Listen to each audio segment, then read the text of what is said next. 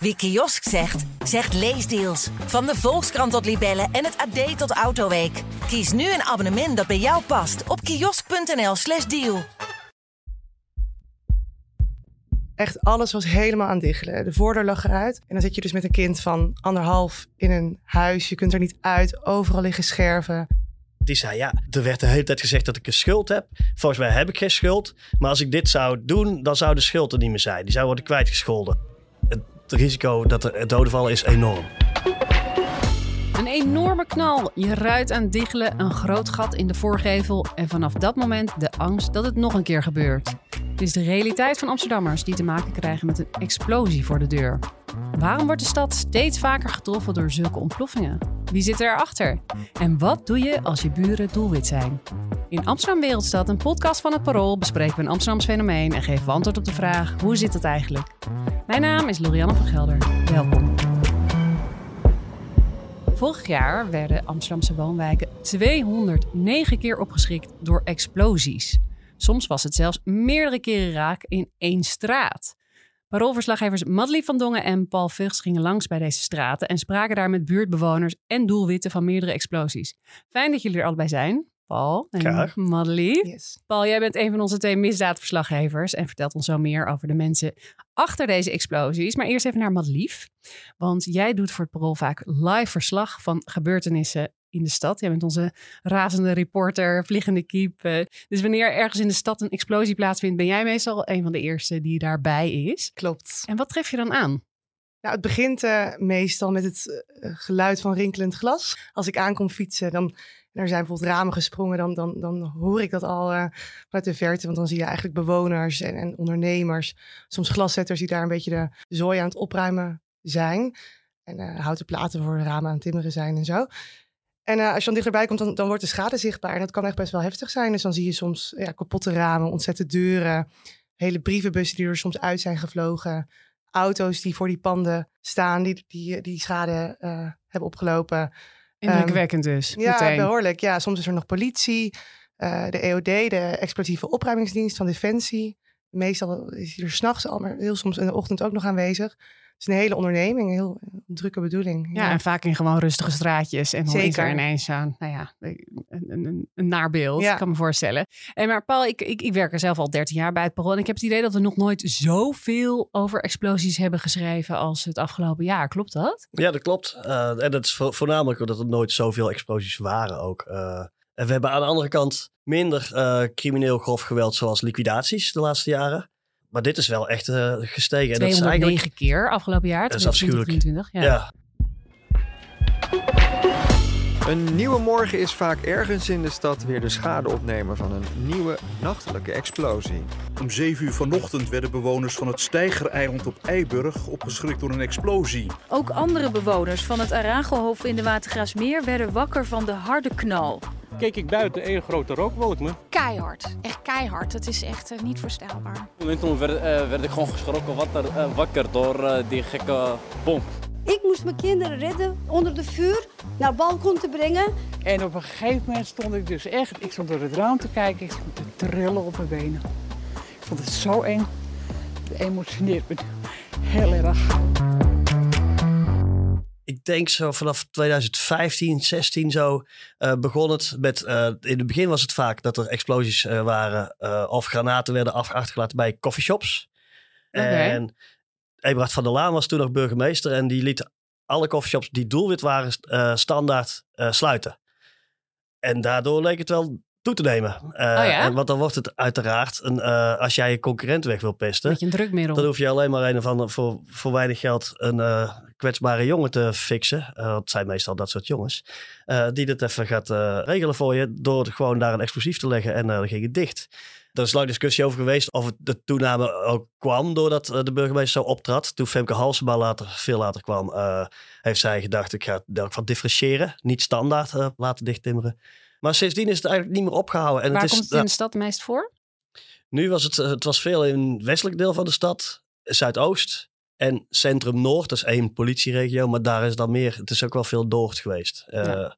Het is veel in woonwijken, eh, maar het is een mix. Komt bij bedrijven, cafés, woningen, van alles door elkaar. Ja, dus het is eigenlijk een helemaal nieuwe modus operandi van, nou ja, mensen die iets uh, Kijk, teweeg willen brengen. Maar ja, komen en we zo het, wel het lijkt terug. erop dat het dus copycat gedrag ook wel Oh, meespeelt. Maar daar ja. komen we inderdaad ja, vanzelf daar komen we zo op terug. Want, uh, want lief, we hebben het nu telkens over explosies. Maar wat moet ik me daar eigenlijk bij voorstellen? Wat, wat Ja. is die explosie dan? Nou, die explosies zijn vaak gemaakt van bijvoorbeeld handgranaten of van zwaar vuurwerk. Je horen waarschijnlijk vaak ook over cobra's.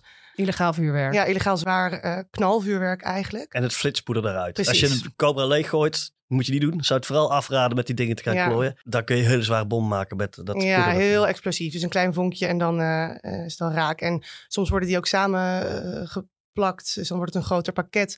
En die worden dan bijvoorbeeld aan een raam geplakt of in een brievenbus gelegd. Ja, en dan eh, aangestoken. En dan is het eigenlijk bijna een soort bom. Ja. Ja. Zeker als je dan een jerrycan met brandstof of een fles met brandstof ook nog plakt. Mhm. Het is gewoon een enorm do-it-yourself bom die echt heel makkelijk in elkaar te flansen Een is. improvised device. Oh ja, precies. En, en nou ja, je beschreef net al wat je vaak aantreft bij zo'n huis waar je dan snel naartoe gaat. Hoe groot is de, de materiële schade na zo'n knal? Ik durf niet echt over bedragen te spreken, want het verschilt natuurlijk ook elke keer. Maar eh, inderdaad, heel vaak zie je dus dat alle ramen zijn gesprongen, deuren zijn ontzet. ehm, secundaire schade, hè, dus eh, dat ook allemaal scherven door de hele straat liggen. Maar bijvoorbeeld ook heel vaak is eh liander aanwezig, energiebeheer, omdat de stromen is uitgevallen bijvoorbeeld. Zo. Als er een plofspraak is, dan heb je natuurlijk die hele pinautomaat die eruit, eh, die eruit is ontploft. Ja. Ja, dus eh, dit kan echt wel heel Het behoorlijk zijn zijn. echt heftige ontploffingen. Zijn er ook wel eens mensen gewond geraakt? Eh, nou, onlangs eh, hebben we gezien dat een 23-jarige Amsterdammer in Den Haag om het leven is gekomen. Omdat hij een eh, bom neerlegde die te vroeg afging. Eh, en in het verhaal dat Paul en ik hebben gemaakt, hebben we veel geschreven over een klein katje dat is overleden. Een Oh, katje ja. van de buren. Heel triest. Eh, nou, en wat eh, het kan Paul denk ik ook wel beamen, wat we veel, veel horen, is dat het echt wel ook veel op het nippertje kan zijn. Dus ik heb ook wel eens gehad dat ik ergens kwam en dat er een explosief door de brievenbus was gegooid. En nog geen halve meter achter de deur liep de gasleiding. Oh, wauw. Dus dat je echt, ja, dat had heel anders kunnen aflopen. Of dat het OM zegt, eh, nou, als dat muurtje, als die deur er niet had gestaan, dan hadden we nu drie levens te betreuren gehad. Ja, Dus, dat eh, komt echt vaker voor. En, eh, Het is echt en- eigenlijk, eigenlijk mazzel geweest dat, dat er niet veel meer slachtoffers zijn ja, gevallen. er is ook nog een jongen, een Amsterdamse jongen, die in Utrecht een bom wilde neerleggen. Die bom ging ook te vroeg af. Die is anderhalve teen eh, verloren. En ja, daar heeft hij nog betrekkelijk, eh, is hij daar betrekkelijk goed van afgekomen. Ik heb foto's gezien van hem en van zijn voet. eh, kort na het gebeurde. Dat was echt heel eh, Oh, dat lijkt me heel onprettig. creepy. Ja. maar het risico dat er doden vallen is enorm. Ja, dus dat is echt een kwestie van tijd, bij wijze van spreken, Helaas. voordat het echt uit de hand loopt. Hey, en jullie gingen samen naar locaties waar meerdere explosies plaatsvonden. Dus dan was het niet eens één incident, maar dan kwam het vaker vol, voor. Zoals in het Piet Zwarthof op Eiburg. Wat is daar precies gebeurd, Paul? Daar is bij ene woning twee keer iets ontploft. Eén keer is het door de briefbus eh, gegooid, januari vorig jaar. En een enorme knal. En die briefbus die vloog bij de aan de overkant van de straat op één hoog door een slaapkamerraam eh, heen. Eh, en de vrouw ligt daar, eh, oh, dus die te brie- slapen. brievenbus die knalde gewoon Ja. de straat over. En die kwam Wow. dus bij dat huis door het raam naar binnen. Eh, eh, ja, het is om, om je dood te schrikken Ja. natuurlijk. Ehm, en in oktober is het nog een keer eh, gebeurd. En toen is een soort bompakket daar door een jongen voor de deur eh, gelegd. Maar die was iets meer van de gevel af en iets meer naar de, bij de buren ook. Een beetje in het midden. En die is. En toen hebben de buren daar ook vreselijke schade van ondervonden. De, eh, alles eruit eigenlijk. De gevel helemaal kapot. En ook muren ontzet. En eh, die omwonenden daar die zijn heel erg getroffen en geschokt. En wat Marlief al vertelt, dat katje dat daarbij gedood is... dat heeft mensen, heel veel indruk op mensen gemaakt. Ja, het is ja, ook heel smerig. is, eh, heel na beeld. Ja. En, eh, het was van een jongetje. Dat, eh, we hebben, dat zijn daar ook thuis geweest. En de, de moeder van het jongetje heeft een week niet kunnen spreken, zegt ze. Van, gewoon helemaal van slag. En, en jullie zijn ook bij iemand anders binnen geweest en hebben jullie gesproken. Hoe heeft hij die avond beleefd? Nou ja, die, eh, dat was een stel met een, eh, een jong kind. Een kind van anderhalf dat boven lag te slapen. Aan de voorkant van het pand, dus waar de klap was. Gelukkig is dat, is daar, eh, zijn de ruiten heel gebleven daar. Maar beneden is alles kapot. Ja. En, eh, en even voor mijn beeld, dit is gewoon echt een heel normale woonwijk, toch? ja, dat is een keurig Heel nieuwbouwwijk. Ja. gemoedelijk, ja. Ja. Er rijden geen auto's, dus eh, Wonen Kinderen- gezinnen dus. kinderen voetballen op straat en eh, veel buren kennen elkaar daar ook. En ik vond het ook wel heftig om te horen bij die bewoner. Die werd dus wakker s'nachts van een knal. Hij was alleen thuis, zijn partner eh, die was er niet. En ik keek uit het raam, een hele straat vol met rook. En toen rende hij dus naar beneden. En echt alles was helemaal aan diggelen. De voordeur lag eruit. En dan zit je dus met een kind van anderhalf in een huis. Je kunt er niet uit. Overal liggen scherven. Wat doe je dan? Wat, wat heeft hij gedaan die avond? Ja, wachten tot de politie kwam en toen wachten tot de ochtend. Ja, dus je kunt ook niet weggaan. Hè? Nee. Dat- Je kunt je huis niet afsluiten. eh, en er is politieonderzoek. En wat, wat zij ook vertelde, zij waren echt eh, ontdaan eh, door het naar elkaar wijzen. Zoals we weten dat instanties va- vaak doen. Oh Dus ja? gemeente naar stadsdeel, stadsdeel naar de politie, de politie naar eh, de woningbouw en, en, en weer terug. En als je daar, je kunt je echt heel erg verweest voelen als je eh, slachtoffer bent al en dan eigenlijk voor de tweede keer slachtoffer wordt van langs elkaar heen werkende instanties. En wat, maar kregen wat- zij wel i- iets van vervangende woonruimte of zo? Konden ze ergens terecht? Nee. Helemaal niks. Je moet alles gewoon zelf oplossen. Ja, en dat duurt ook heel lang dus, want het was in oktober gebeurd en eh, wij waren daar maanden later en nog steeds was, er- was veel stuk. Ja. Eh, en je zit natuurlijk met het idee, de instanties hebben het heel erg over, we snappen dat het, u, u zich niet veilig voelt, maar deze bewoner zegt, het is niet dat we ons niet veilig voelen, we zijn niet veilig. Jullie maken het voor ons niet veilig en zolang de mensen die doelwit zijn hier blijven wonen, zal het niet veilig zijn. Het is niet iets, het is niet zomaar een gevoel van ons, het is ook iets waar echt iets aan gedaan zou moeten worden en dat missen zij. Dat was als, en nou ja, toen we daar zaten, je voelde het echt wel, hè, maar het liefst, Ja. eh, hoe ze uiteindelijk ze verwees tegenover die Ja. ins- En dat instanties is ook nog eens twee keer gebeurd daar. Ja, en Ja. ook met best wel wat maanden ertussen. Hè? Dus het is ook niet alsof het dan eh, twee keer in een week is. En dat je dan denkt, oh, nu is het klaar. Ja, en jij bent ook op andere plekken geweest waar, waar dat is gebeurd. Eh, Heb je van buurtbewoners ook mm, ja, ja, vergelijkbare verhalen gehoord over die impact? Ja, zeker. Ik heb zoveel verschillende verhalen gehoord over mensen die eh, hun kinderbedje eh, van de straat, het raam bij de straatkant naar een andere kamer moesten verhuizen. Of mensen die echt ook eh, overwegen om te verhuizen of dat al hebben gedaan. Ik heb als iemand gesproken die zei, ja, ik ben eigenlijk helemaal geen drinker, maar ik moet ineens elke avond een glas whisky hebben, want anders val ik niet in slaap. Want ik, ik ben gewoon zo bang dat er weer zoiets gebeurt. En dus ook inderdaad de spanningen in de buurt, want dat ja, hebben wij daar ook gezien. Het is eh, eh, natuurlijk nogal wat als dit bij je, bij je buurman gebeurt, waar je misschien eerst ook goed contact mee Ja. had. Ja, want er is meteen wel ook een soort wantrouwen. Daar kwam. eh, Nou, bij die mensen bij op, Piet, Piet misschien. Zwarthof, waar de eh, doelwit, dat we ook gesproken hebben. Ja, Ehm, ja maar want die- wie, wie zijn er precies het doelwit? Nou, de politie heeft niet achterhaald eh, wat hierachter zit. En eh, nou, die meneer deed keurig open toen we aanbelden. En, eh, en vertelde dat hij het de politie overlaat. Dat hij zegt niet te weten wat, wat er aan de hand is. Ik weet één ding van die familie. En dat is dat een familielid van hem in 2012 is geliquideerd. Een Amsterdamse jongeman in, in Antwerpen. En dat er op straat het verhaal gaat dat dat hier, hier iets mee te maken heeft. Nou ja, Dat zou een link kunnen ja, zijn. en hij zegt dat ik kan er me niks van voorstellen, bij voorstellen. Goed, dat, eh, dat is eigenlijk bijna altijd zo dat de doelwitten zelf zeggen dat ze het niet weten. Ja. En soms heb je het idee, ze weten misschien wel wat meer dan ze vertellen. Het kan ook heel gevaarlijk zijn om dingen te vertellen natuurlijk. Maar deze man zei, ja, dat heeft er niks mee te maken. Kijk, Nee. als de politie dat niet kan achterhalen, en hoe moet je het ook achterhalen als, als het doelwit zelf al eh, zegt, ja, ik weet het niet. Als zal mensen pakken, dat gebeurt best wel, maar dan zijn het de uitvoerders, die jongetjes. Maar Ja. die weten vaak helemaal niet voor wie ze het doen. Die weten niet wie de doelwitten zijn, die weten niet wat het conflict is. Die, die krijgen die bommen in handen gedrukt, die gaan dat ding daar eh, eh, leggen. En ze hopen dat ze daar goed geld voor krijgen. En, En maar lief, hoe, hoe pakken jullie dat eigenlijk aan? Want ja, dit doelwit hadden jullie dan toevallig gesproken. Bel je dan gewoon aan? Ja, we bellen gewoon aan. En eh, in dit geval was het iemand die ook graag wilde, wilde praten. want Kan- ik kan me voorstellen dat niet iedereen eh, op de pers zit te wachten. Nee, ehm, we hebben dat ook, we dat ook gehad. Hè? In, in Noord eh, wilde de, de doelwit eigenlijk niet, niet echt met ons het deed spreken. ook eerst niet open, maar je hoorde dat er mensen thuis waren. Dus we bleven volhoudend. en- Ja. maar goed, die zei ook dat hij van niks Ja. wist. Soms kan het ook zo zijn, bijvoorbeeld in, eh, op de Piet Zwarthof in Eiburg. Pak het doelwit wel met ons, maar die ervaarde zelf ook, zei hij tenminste, veel verdriet. Omdat hij zich ook een beetje buitengesloten voelde. Hè? En eens had hij het gevoel alsof de hele buurt van hem af wilde. En er was een buurtbijeenkomst eh, geweest. Hij zei dat hij daar niet voor uitgenodigd was. Dat is Oh. niet helemaal duidelijk, maar hij heeft natuurlijk zelf ook te maken met de impact van die Maar je krijgt explosie. wel best wel wat scheef oog. Ik, ik ben zelf ook wel eens eh, naar zo'n explosie of iemand daarna eh, in, in de straat geweest. Toen zag ik ook een vrouw verweest op de bank zitten, de deur eruit ge- geknald, allemaal kinderschoentjes in de gang. En ja, die wilde ook niet eh, praten, want iedereen om, je heen denkt waarschijnlijk meteen van, oh, daar, die zal er wel iets mee te Nou, maken je bent hebben. doelwit van crimineel geweld. Dus dan wordt er vaak bij gedacht, daar zal er wel een reden voor zijn die in criminaliteit te zoeken is. Overigens valt het uit elkaar in criminele conflicten, relationele conflicten en zakelijke conflicten. Ik ken ook wel een, eh een jonge man erg goed.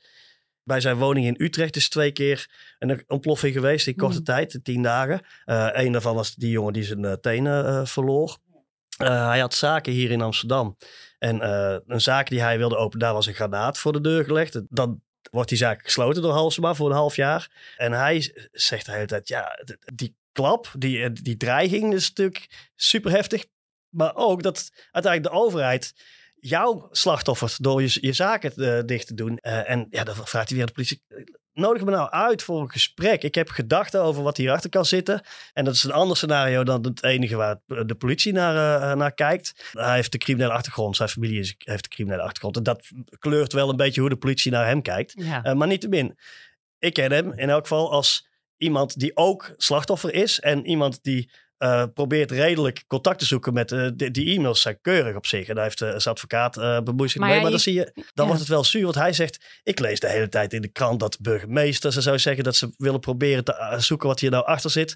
Ik wil graag mijn gedachten delen over wat hierachter zit, maar ze willen mij niet horen. Ja, dat, dat is... ja dus, dus frustratie ook over de instanties. Maar nog heel eventjes, want in principe, wat jij ook beschrijft, dat is een man die echt slachtoffer is van zo'n explosie. Maar ik kan me voorstellen dat er ook om zo iemand heen wordt gedacht dat hij een dader is. Ja, dat is het, dubbele. Daar hebben we in het parool ook wel eerder uh, aandacht aan besteed. In sommige zaken kun je tegelijk slachtoffer en dader of anders is crimineel betrokkenen uh, zijn. Dat is ingewikkeld. Dat vindt de politie ook ingewikkeld. En dat begrijp ik ook wel. Want ja, met aan wie's kant sta je nou? Uh, de politie staat normaal tegenover uh, criminelen, voor hun gevoel. Maar als nou een crimineel hier doelwit van, van wordt... en misschien die crimineel al jaren geen misdrijven pleegt... ja, dan je ziet het, dat de politie het moeilijk vindt om, om met Ah, zulke ja. mensen om te gaan. En dat begrijp ik heel goed. Ja. Maar, maar de, de rode lijn is dus dat je... veel mensen voelen zich eerst slachtoffer van de explosie... en dan slachtoffer van de nasleep... waarin ze zich eigenlijk niet Ja. goed gehoord voelen... Uh, de, zolang de Maar politie heel onderzoek even loopt- naar die daders, hè? Want, want wie zitten er nou achter die explosie? Het zijn vaak tieners, begin twintig, jongens uit eh, kwetsbare wijken. Vaak ook niet heel slim. Eh, en ook hun opdrachtgevers zijn vaak ook nog redelijk jong. Um, en je ziet dat ook zij zijn vaak zowel slachtoffer als dader. Dus ze zijn dader van het leggen van het explosief. Maar ze zijn soms slachtoffer van enorme druk die op ze is uitgeoefend door de opdrachtgever. Bijvoorbeeld die jongen die uh, anderhalve teen verloor. Die zei ja, er werd de hele tijd gezegd dat ik een schuld heb. Volgens mij heb ik geen schuld. Maar als ik dit zou doen, dan zou de schuld er niet meer zijn. Die zou Ah, worden ja. kwijtgescholden. Ja, en toen ben ik dit gaan doen. Los van of het allemaal 100% waar is, wat alle verdachten altijd zeggen. Maar dat patroon zie je wel vaak. En natuurlijk is het nooit een oplossing om zoiets te doen. Want dan uh, je raakt alleen maar dieper in de nesten. Dus ik zou het ook iedereen afraden. Nee. Heb jij criminelen wel eens daarover spro- over gesproken? Van uh, wa- waarom zij het dan doen? En waarom er misschien ook minder liquidaties zijn dan? Daar wordt wel ook over de liquidaties wordt in het uh, criminele milieu ook wel over gespeculeerd. Zijn de explosieven nou in plaats gekomen van de liquidatie? Kijk, maar de criminelen die ik spreek, die zeggen zelf dat ze niemand liquideren uh, of bommen laten leggen. Maar hebben wel hun gedachten over wat anderen misschien doen. Het is Ja. niet zo één op één. Je zult Nee. daar geen bewijs voor krijgen. Maar het is, wat we vaststellen is dat er heel weinig liquidaties zijn, gelukkig, de afgelopen jaren. En heel veel explosies. Ja. En dat tellen wij bij elkaar op. Uh, maar er is natuurlijk niet makkelijk een causaal verband te bewijzen. Ja, maar, maar lief, want het gaat niet uh, alleen maar over uh, de relationele of de criminele sfeer. Mm. Want jij schreef zelfs dat slechte kapsels aanleiding kunnen zijn voor explosies. Ja. ja, vorig jaar heb ik een verhaal gemaakt eh, over een kapsalon op de Jan Evertsestraat in West. En dat, eh, daar, daar was ook een explosie geweest. En eh, in eerste instantie zei de eigenaresse daar ook dat ze van niks wist en echt niet kon bedenken waarom het, eh, ze het op haar kapsalon hadden gemunt. En toen bleek dat ehm, een week ervoor er een grote exposure was geweest, zoals we dan zeggen, op eh, social media. Ja. Ehm, en dat er echt tientallen vrouwen waren die hele slechte ervaringen hadden bij deze kapsalon. Dus die eh, ineens groen geverfd haar hadden of kale plekken. De jaren daarvoor eigenlijk hadden die mensen die slechte ervaringen opgedaan. Eh, en een, een week ervoor was dat dus eigenlijk breed uitgemeten in bepaalde groepen op social media, op Snapchat vooral. En eh, toen eh, ging er dus een bom af. En toen heeft iemand gewoon bedacht, we gaan deze vrouw, deze kapster terugpakken. Nou ja, goed, dat is, dat is de politie eh, die onderzocht dat verband, maar hield er wel sterk rekening mee. Dus eh, er zijn eh, mensen die dat doen. Ja. Ja, in plaats van even een goed ges- stevig gesprek. precies. Nou, en dan kan dus weer meespelen dat het best vaak voorkomt dat een onderneming gesloten wordt na zo'n aanslag. Dus als je beoogt deze kapper als kapper uit te schakelen, uh, dan ja. Is er nou een manier om die nieuwe explosies te voorkomen? Kijk, politie, gemeente uh, zijn wel samen aan het denken hoe je preventieprojecten kunt opzetten om die jongens die dit doen daarvan te weerhouden. Het is natuurlijk wel moeilijk. Kijk, er zijn gewoon heel veel jongens die zich niet thuis voelen in de maatschappij. Die denken dat ze niet zoveel kansen hebben in, het, uh, in de bovenwereld. En die het snelle geld dan wel uh, ja. roem op straat. Uh, en dat gaat dan eigenlijk kiezen. over preventie van criminaliteit in het algemeen, wat dat betreft. Ja, en de, in de sociale structuren van de wijken zijn heel veel dingen wegbezuinigd natuurlijk door onze rechtse regeringen. Dus het is een groot probleem met een heel divers palet aan oorzaken. Ja. Uh, maar, maar wat, wat kunnen buurtbewoners doen na zo'n gebeurtenis? Wat... Ja, er zijn wel heel veel instanties bij betrokken. Je ziet dus dat als er echt veel angst is bij die buurtbewoners, dat er dan uh, een camera kan worden opgehangen. Ja. Ja, dus, dus ze kunnen wel aankloppen. Maar goed, ja, voor heel veel bewoners is het echt niet genoeg. En willen ze het bijvoorbeeld dat uh, doelwit verhuist. Wat ook gewoon niet zomaar gaat. Nee, je kunt mensen niet dwingen om te verhuizen. Nee, niet zomaar. Dus bijvoorbeeld wat bij ons ook nog, wat ook nog werd voorgesteld door een van die bewoners op de Piet Zwarthof is. Van, goh, kan er niet een maatschappelijk werker of zo worden ingeschakeld die die mensen kan helpen om een nieuw huis te vinden? Er zijn wel echt allerlei instanties mee bezig. Maar, ja, want we hebben natuurlijk, we hebben daarnet geventileerd, door verteld wat de mensen aan ons vertellen, de buren. Aan de andere kant zien wij ook wel dat woningcorporaties soms echt wel klem zitten met dit uh, probleem. Er heel veel mee geconfronteerd worden. Er zijn echt wel mensen die echt wel hun best willen doen en doen uh, om, om hier iets uh, te bereiken. Uh, maar het is gewoon heel lastig. Dus ik wil Oh, eigenlijk nog die nuance er even inbrengen van we zijn hier niet alleen maar instanties aan het afzeiken. Want dat, Nee. dat, dat, dat Ja, maar lieve, eind vorig jaar werd dit onderwerp in de gemeenteraad nog besproken. En toen vroeg eh VVD'er Claire Martens zich nog af eh, waar de grote verontwaardiging blijft. Ja, ja, meer dan 200 eh, explosies, het is er nogal wat. Heb je ook het idee dat er nou ja, het misschien te voorzichtig of gelaten mee om wordt gegaan? Hmm, nou, niet per se. Ik bedoel, wat we net allemaal hebben besproken, er, er, er wordt echt veel gedaan. Hè? En wat ik overigens wel merk, naast dat mensen dus echt wel bang zijn, is het ook wel steeds wat meer genormaliseerd. Dus ik was laatst eh, in Oost en toen zei iemand van, ja, ik werd vannacht weer wakker van een harde knal. En ik dacht, eh, oh, het zal eh, de pinautomaat wel zijn. Toen dacht ik, oh nee, die is al opgeblazen. Oh, jezus. Dus ja, het, het- Ja. je denkt ook, goh, ja, het is nu ook al zo vaak gebeurd. Het, ja, ach. Eh, en dat is, vind ik ook best wel gek om te merken. ook cynisch, hè? Ja. Mhm. Ja, er zijn ook. ehm je kunt natuurlijk uittekenen dat de meer rechtse partijen eh, hopen op eh, verontwaardiging, want dat is hun brandstof. En de meer linkse partijen hopen dat, er, dat ook de dadertjes, eh, eh, dat daar ook iets mee gebeurt. En ik denk dat, zoals altijd, de waarheid in het midden het moet allebei. En dat is gewoon lastig. Dat is Ja. gewoon een heel complex En denk je dat dit nou gaat overwaaien? Dat er, of dat er weer een nieuwe trend komt in. eh, Ik ben buitengewoon overrekeningen? intelligent en ervaren, maar de toekomst voorspellen is me nog nooit gelukt. Mag ik jullie hartelijk bedanken. Madeleine van Dongen en Paul Vught. Als je meer wil lezen over de achtergronden van deze explosies. We hebben er veel over geschreven. Eh, Ga dan naar parool.nl of download de Parool-app. En we zullen ook een aantal linkjes in de show notes zetten. Dit was weer Amsterdam Wereldstad, een podcast van het Parool. En de productie en montage werden gedaan door Verena Verhoeven. En de eindredactie door Josien Wolthuizen. Reageren of vragen stellen kan via podcast.parool.nl. Hartelijk dank voor het luisteren en tot volgende week. Hallo, ik ben Camilla Leupen, hoofdredacteur van Het Parool. Heb je genoten van deze podcast? Dan vind je onze artikelen misschien ook interessant. Een abonnement heb je al voor een paar euro per week. Je kan het ook eerst een paar weken proberen. Ga naar parool.nl slash podcastactie voor een actuele aanbieding. Dag! Wie kiosk zegt, zegt leesdeals. Van de Volkskrant tot Libellen en het AD tot Autoweek. Kies nu een abonnement dat bij jou past op kiosk.nl/slash deal.